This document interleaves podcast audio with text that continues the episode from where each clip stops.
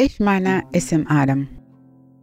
آدم كلمة عبرية ومذكور اسمه في التوراة واسم آدم يعني الطبيعة البشرية وقد تعني كلمة رجل أو إنسان وأحيانا تعني اللون الأحمر وتنطق كلمة آدم باللغة العبرية آدام فدم جاي من اللون الأحمر وقبل ما يطلق على حواء اسم حواء كان اسمها آدم وكلمة دموت باللغة العبرية مشتقة من كلمة آدم ومعناها صورة الله لأن آدم وحواء مخلوقين على صورة الله.